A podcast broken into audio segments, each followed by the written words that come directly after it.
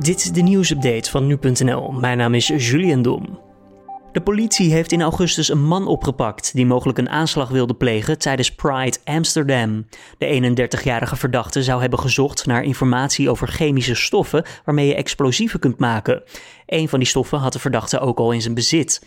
Verder liet de man op sociale media op verschillende wijzen doorschemeren dat hij iets van plan was. Zo vroeg hij onder meer om een vuurwapen dat hij nodig zou hebben tijdens de Pride. Opnieuw is een minderjarige jongen aangehouden voor betrokkenheid bij de fatale mishandeling van een 73-jarige man in Arnhem. Eerder werden al zeven anderen aangehouden, waarvan er zes minderjarig zijn. Vorige week woensdag werd de man mishandeld. De daders sloegen daarna op de vlucht. Het slachtoffer overleed enkele uren later in het ziekenhuis. Over de toedracht van de mishandeling is nog weinig bekend. Ongeveer twee derde van de Primera-winkels heeft besloten om het omstreden tijdschrift Gezond Verstand niet aan te bieden. In het tweede nummer van het blad wordt gesproken over een kunstmatige pandemie, de coronacrisis. Ook wordt gesteld dat mondkapjes hersenschade kunnen veroorzaken bij kinderen. Primera laat weten dat het aan de winkels is om de geleverde exemplaren van Gezond Verstand wel of niet in de schappen te leggen. En die keuze van alle ondernemers wordt dan ook gerespecteerd.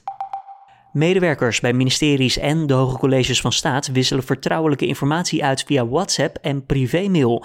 Dat terwijl dit niet is toegestaan. Dat blijkt uit enquête van de Algemene Rekenkamer. Bij de peiling werden rijksambtenaren en medewerkers ondervraagd. Onder de hoge colleges vallen onder andere de Eerste en Tweede Kamer.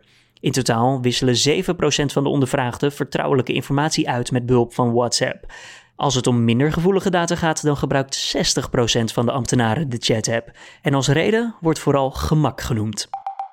En het is de warmste novemberdag ooit gemeten. Smiddags was het in de beeld 19,1 graden en dat is sinds de eerste metingen nog nooit voorgekomen in november. Het is inmiddels het zoveelste warmterecord dat dit jaar is gesneuveld, al dus Wilfred Jansen van Weerplaza. En ter vergelijking, dit jaar is er nog geen enkel koude record verbroken. En dit was dan weer de nieuwsupdate van nu.nl.